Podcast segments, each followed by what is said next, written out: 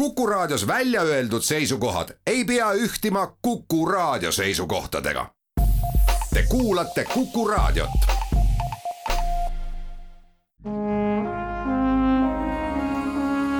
Vanemuise veerand. tere kõigile kuulajatele, Vanemuise veerand alustab. kuku raadio stuudios on saatejuht Tiia Rööp.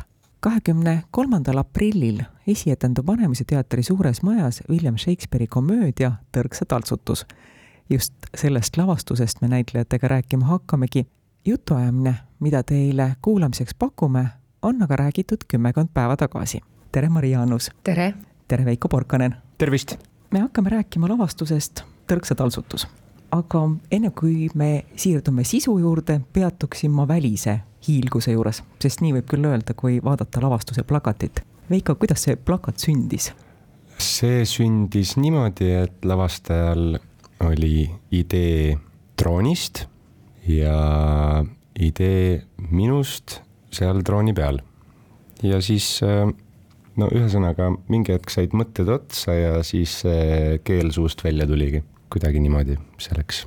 aga tegelikult see on lavastaja kontseptsiooniline lähenemine, siis tõrksa taltsutusel on selline lõpetamata raam on sellel näidendil, kus alguses ühele tavalisele, kuidas öelda, noh, ütleme tavalisele joodikule tehakse kõrge lordi poolt vemp, kus ta riietatakse uhketesse rõivastesse ja, ja pannakse nii-öelda kuninga trooni peale istuma. Ja, ja sealt see idee tuligi ma võin seoses selle välise hiilgusega veel ühe asja ära õiendada, mis on mul nagu, mida ma tahaksin öelda, on teha sellise kummarduse sellele lavastuse visuaalsele poolele, et ma alles nüüd hiljuti tegelikult, ma ei ole kostüümides veel proovis käinudki, ma eile nägin Veikot esimest korda kostüümis ja noh, ise olen muidugi oma kostüümi proovinud, aga kui vägevad on Kerli Tinni kostüümid ja, ja kui filigraanselt ja meisterlikult on meie õmblejad need valmis õmmelnud kõik need tikandid ja sitsid ja satsid ja pitsid ja selle huvitava kuueteistkümnenda, seitsmeteistkümnenda sajandi stiili lavale toonud, et see on nagu, ma juba seda ootan, ma arvan, et see visuaalne pilt peaks olema küll teater suure algustähega, et neid teksades mängitud tükke on olnud viimasel ajal nii palju, et ma, ma olen väga elevil Maria, sa võtsid küsimuse mul suust ära, ma tahtsingi pärida, kas kõigil osalistel on sama külluslikud kostüümid nagu Veikol plakati peal? Oo küll ja seal on edevamaidki mehi, kui Veiko on seal tükis. ma olen suhteliselt tagasihoidlik jah, on ikkagi, on, on edevamaid ja, ja suuremaid ja kogukamaid kujusid. ja noored armastajad ja juba ammu nagu parim enne kaotanud armastajad, üks edevam kui teine ja, ja siis need kaks imeilusat naist seal kõrval. Maria, see lugu ei ole sinu jaoks esimene Shakespeare'i mängimine Vanemuise laval? jah tõesti, ma olen osalenud lavastuses Richard Kolmas ja aastaid tagasi, nimi osas oli Jüri Lumiste. ja selle lavastas Inglismaa lavastaja Barry Rutter, Rutter või kuidas eesti keeles öelda, oli tema nimi. aga mulle meenub, see tööna oli ta hoopis teistsugune, esiteks ta on nagu noh, Shakespeare'il on ju tragöödiad ja komöödiad, siis need on väga erinevad äärmused, on see Tõrksa taltsutus ja Richard Kormas, mis on väga verine, väga julm ja noh, väga hull lugu. aga ma mäletan sellest pigem seda, et mul ei tekkinud nagu sellist päris head mõistmist sellest, mida lavastaja meilt ootas. et inglastel on selle Shakespeare'i ja selle keelega kindlasti täiesti oma suhe tema jaoks oli see keel ja selle väljendus oli nii oluline, et ma ei saanud kohati aru, et ta nagu sellist mängulisust ja võib-olla sellist nagu meiepoolseid pakkumisi tihtipeale ei võtnud vastu, vaid talle piisaski sellest, et see kõlab, see värss ise, et see nagu sõnajõud, millega sa oma partnerit ja vastast siis nagu mõjutad. aga kuidagi ma sain aru, et meile oli see paljudele jäi nagu võõraks, et meie otsime ikkagi nagu tegevustikku ja sellist kohandumisi ja nii, et ühesõnaga minul jäi see see Lady Anne'i roll jäi, mulle tundus nagu poole peale, ta ei olnud õieti nagu üks ega teine, sest just sellisest ebakindlusest, et võib-olla selline noh, see, kuidas Priit praegu lavastab, sellest ma saan paremini aru olen nagu, see on mul lihtsam seal neid ülesandeid täita ja mõista seda. Veiko, milline on siiani sinu suhe olnud Shakespeare'iga? mina sain äh, lavakas katsetada kätt äh, kaheteistkümnenda ööga ma isegi ei mäleta enam, keda ma seal täpselt mängisin, aga see oli ka väga, väga lõbus oli see tegemine igatahes. et äh, mul on hea meel, et, et siiamaani on saanud ainult lõbusaid Shakespeare'i tükke teha. tõrksa taltsutus on värsis. on see näitlejale väljakutse või muudab lihtsamaks või keerulisemaks? no ses mõttes mul on päris palju töötunde lihtsalt teksti õppimise osas küll, aga ma ei ole ka kõige parem näide näitlejast, kellele tekst hästi pähe jääb. aga mul on tunne, et praegu, kui see tekst ikkagi nüüd voolama on saanud, siis ähm, on teda mingis mõttes küll palju mugavam äh, ja nagu põnevam esitada kui tavalist proosateksti, et äh, see teatav ebamugavus on võib-olla ongi esimestel lugemistel, kui sa pead selle kuidagi noh, natukene sinna sisse sellesse rütmi saama, aga kui sa saad selle nagu endal tõesti oled juba nii palju lugenud, see üle üle silbi rõhutamine, see on kuidagi nii loomulik kõneviis tegelikult, et ühel hetkel sa, ta tegelikult ärkab nii ägedasti ellu. ei muutu kõrvale kuidagi nagu ebaloomulikuks või võõraks või tüütuks, nagu mõned küsivad, et te ju teete seda värsis, et kas seda on, kuidas seda vaadata ja kuulata on. minu arust on tegelikult väga nagu, annab nii ägeda hoo sellele tekstile. tõrksa taltsutus on näitendina küllalt pikk tekst, kas te mängite kogu Shakespeare'i teksti ette või on sealt väikseid kahandusi ka tehtud? me ikka võtame kogu portsu täies hiilguses ette, jah. minu meelest ei ole me kärpinud isegi ridagi. ei, ei ole mitte midagi maha ja. võtnud, jah, kõik on seal. Priit Strandbergil on erakordne selline mm, austus, mulle tundub, originaaltekstide vastu. ta kuidagi väga aupaklik selle suhtes, ta tahab tuua vist lavale täpselt selle versiooni, mis on kunagi kirja pandud. ja ma arvan, et tal on sellega mingi oma hea tunnetus, et võib-olla see hakkab mõjuma sellise massiivse suure tervikuna. tõrksa taltsutus on ka selline tekst, mis võib peebutada loole veel vinti peale keerama. Priit Strandberg on end lavastajana näidanud tõesti süviti mineva inimesena ja Shakespeare'i tekst on niigi nii palju uperpalle tegev, nii palju on seal teravust, sõnamängu. kas Priit on lisanud sinna veel tembutamist? Ma ei oska päris täpselt sellele küsimusele vastata, tembutamist mingis mõttes on meil tembutamist on seal ju, see on nagu kohustuslik minu arust on mingisugune tembutamine Shakespeare'i puhul, aga kas selle tembutamisega nüüd äh, üle vindi asja keeratakse, seda ma ei usu. on kõvasti tempu ja on veel tembu jaoks ka kõvasti veel arenemisruumi just mingeid stseene vaatasin ja, ja sellist nagu tänapäevast äh, tempu on sellele vanale tekstile nagu juurde lisatud, mis on mõnus ja värskendav vaadata, ma arvan. Vanemuise veerand. Vanemuise veerand läheb edasi.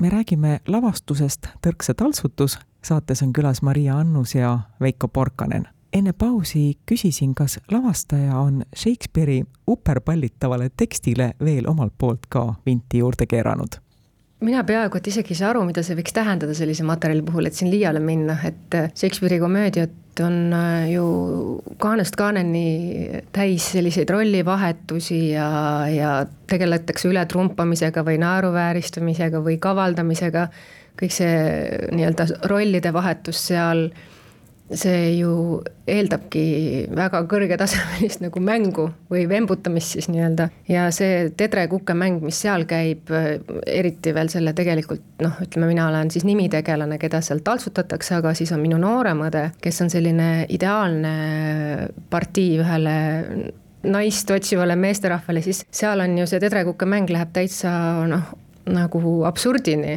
mis vahendeid seal kasutavad erinevad peigmehed, et siis tema südant võita. ja nii palju, kui ma ka vaatan, siis no iga, igas stseenis võidab nagu see, kes suurema vembuga hakkama saab mm.. sina, Maria, oled riiakas Katariina.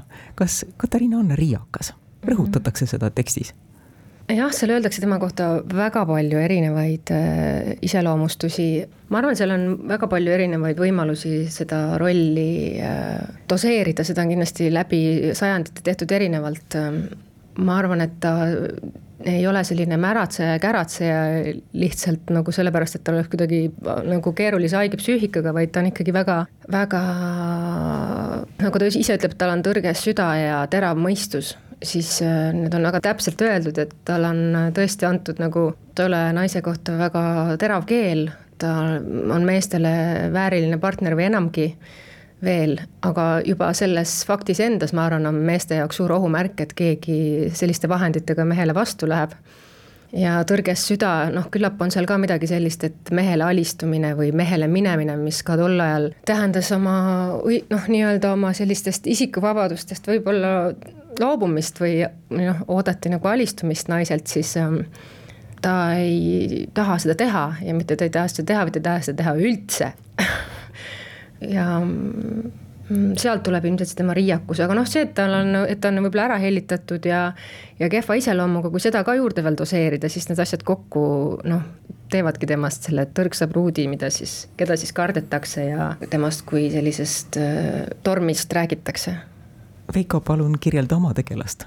Petruccio, no teda võiks alguses kirjeldada kui omakasupüüdlik pleiboi, kellel avaneb äh, võimalus ratsarikkaks saada taltsutades, taltsutades tõrges, aga selle taltsutamise käigus jõuab ta, ma loodan, arusaamiseni, et võib-olla see taltsutamine on läinud liiale.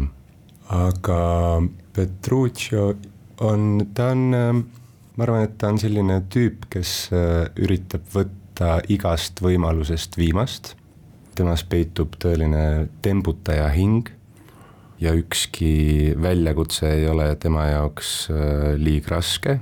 ei, ei ole tema jaoks äh, mingi võimalus või variant.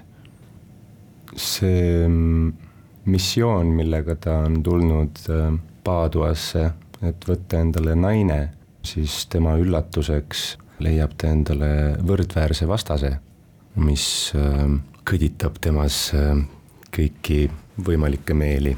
kas ma võin täiendada? muidugi ma arvan, et väga palju läbi aegade on seal veeretatud seda palli seal sugudevahelise duelli nagu sellises äh, väljakul, et feministid on vaadanud seda niimoodi, kus ühel hetkel ei olnud enam naljakas see, mismoodi Petruccio Katarinaga käitub, et alguses ma arvan, see oli mõeldud äh, ikkagi lihtsalt rahva naerutamiseks siis on ähm, seal olnud noh, erinevaid vaatepunkte sellele loole, aga mulle tundub praegu, mulle tundub huvitav, et asi ei ole niivõrd äh, sellises sugudevahelises duellis, kuid kahe väga tugeva isiksuse kokkupõrkamisel, et äh, kaks äh, tugevat vastasjõudu põrkuvad ja näha on esimesest hetkest, et seal on äh, väga tugevalt kumab läbi võimalus armastuseks, aga see on nende mõlema jaoks selline mitte, kindlasti ei ole otsetee, vaid on vaja väga palju nagu neid oma ego, neid nurgataguseid läbi tuhlata.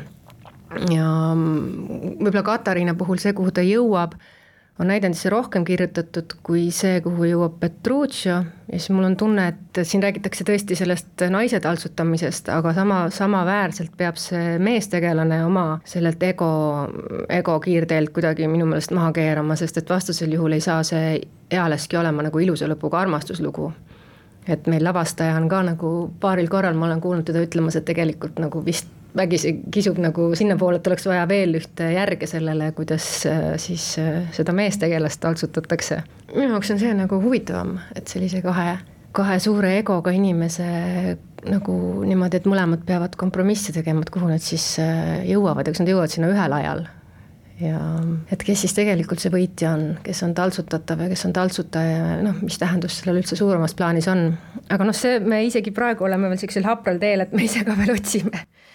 ja et intuitiivselt on nagu jõutud päris mitme variandini, aga see, kuhu Shakespeare seda lugu lõpuks käänab, siis äh, see nagu Petruccio jaoks jääb mõnes mõttes küll nagu lõpetamata või ta ei saa kahjuks äh, sellist lahendust, mida mina näitlejana võib-olla tahaksin seal kehtestada või, või kuidas ma tahaksin oma tegelase nii-öelda kaart välja joonistada, et hetkel veel on seal lõpukaare osas on selliseid siksakke on päris palju, mhm. et äh, kas ta läheb sujuvana või, või üles või allapoole, et seda siis näeb, kui tükk on valmis ja oleme jõudnud sinnamaani seal on väga suur äh, roll selles, kuidas lavastaja tahab, mis lõpupunkti tema tahab panna sellele loole.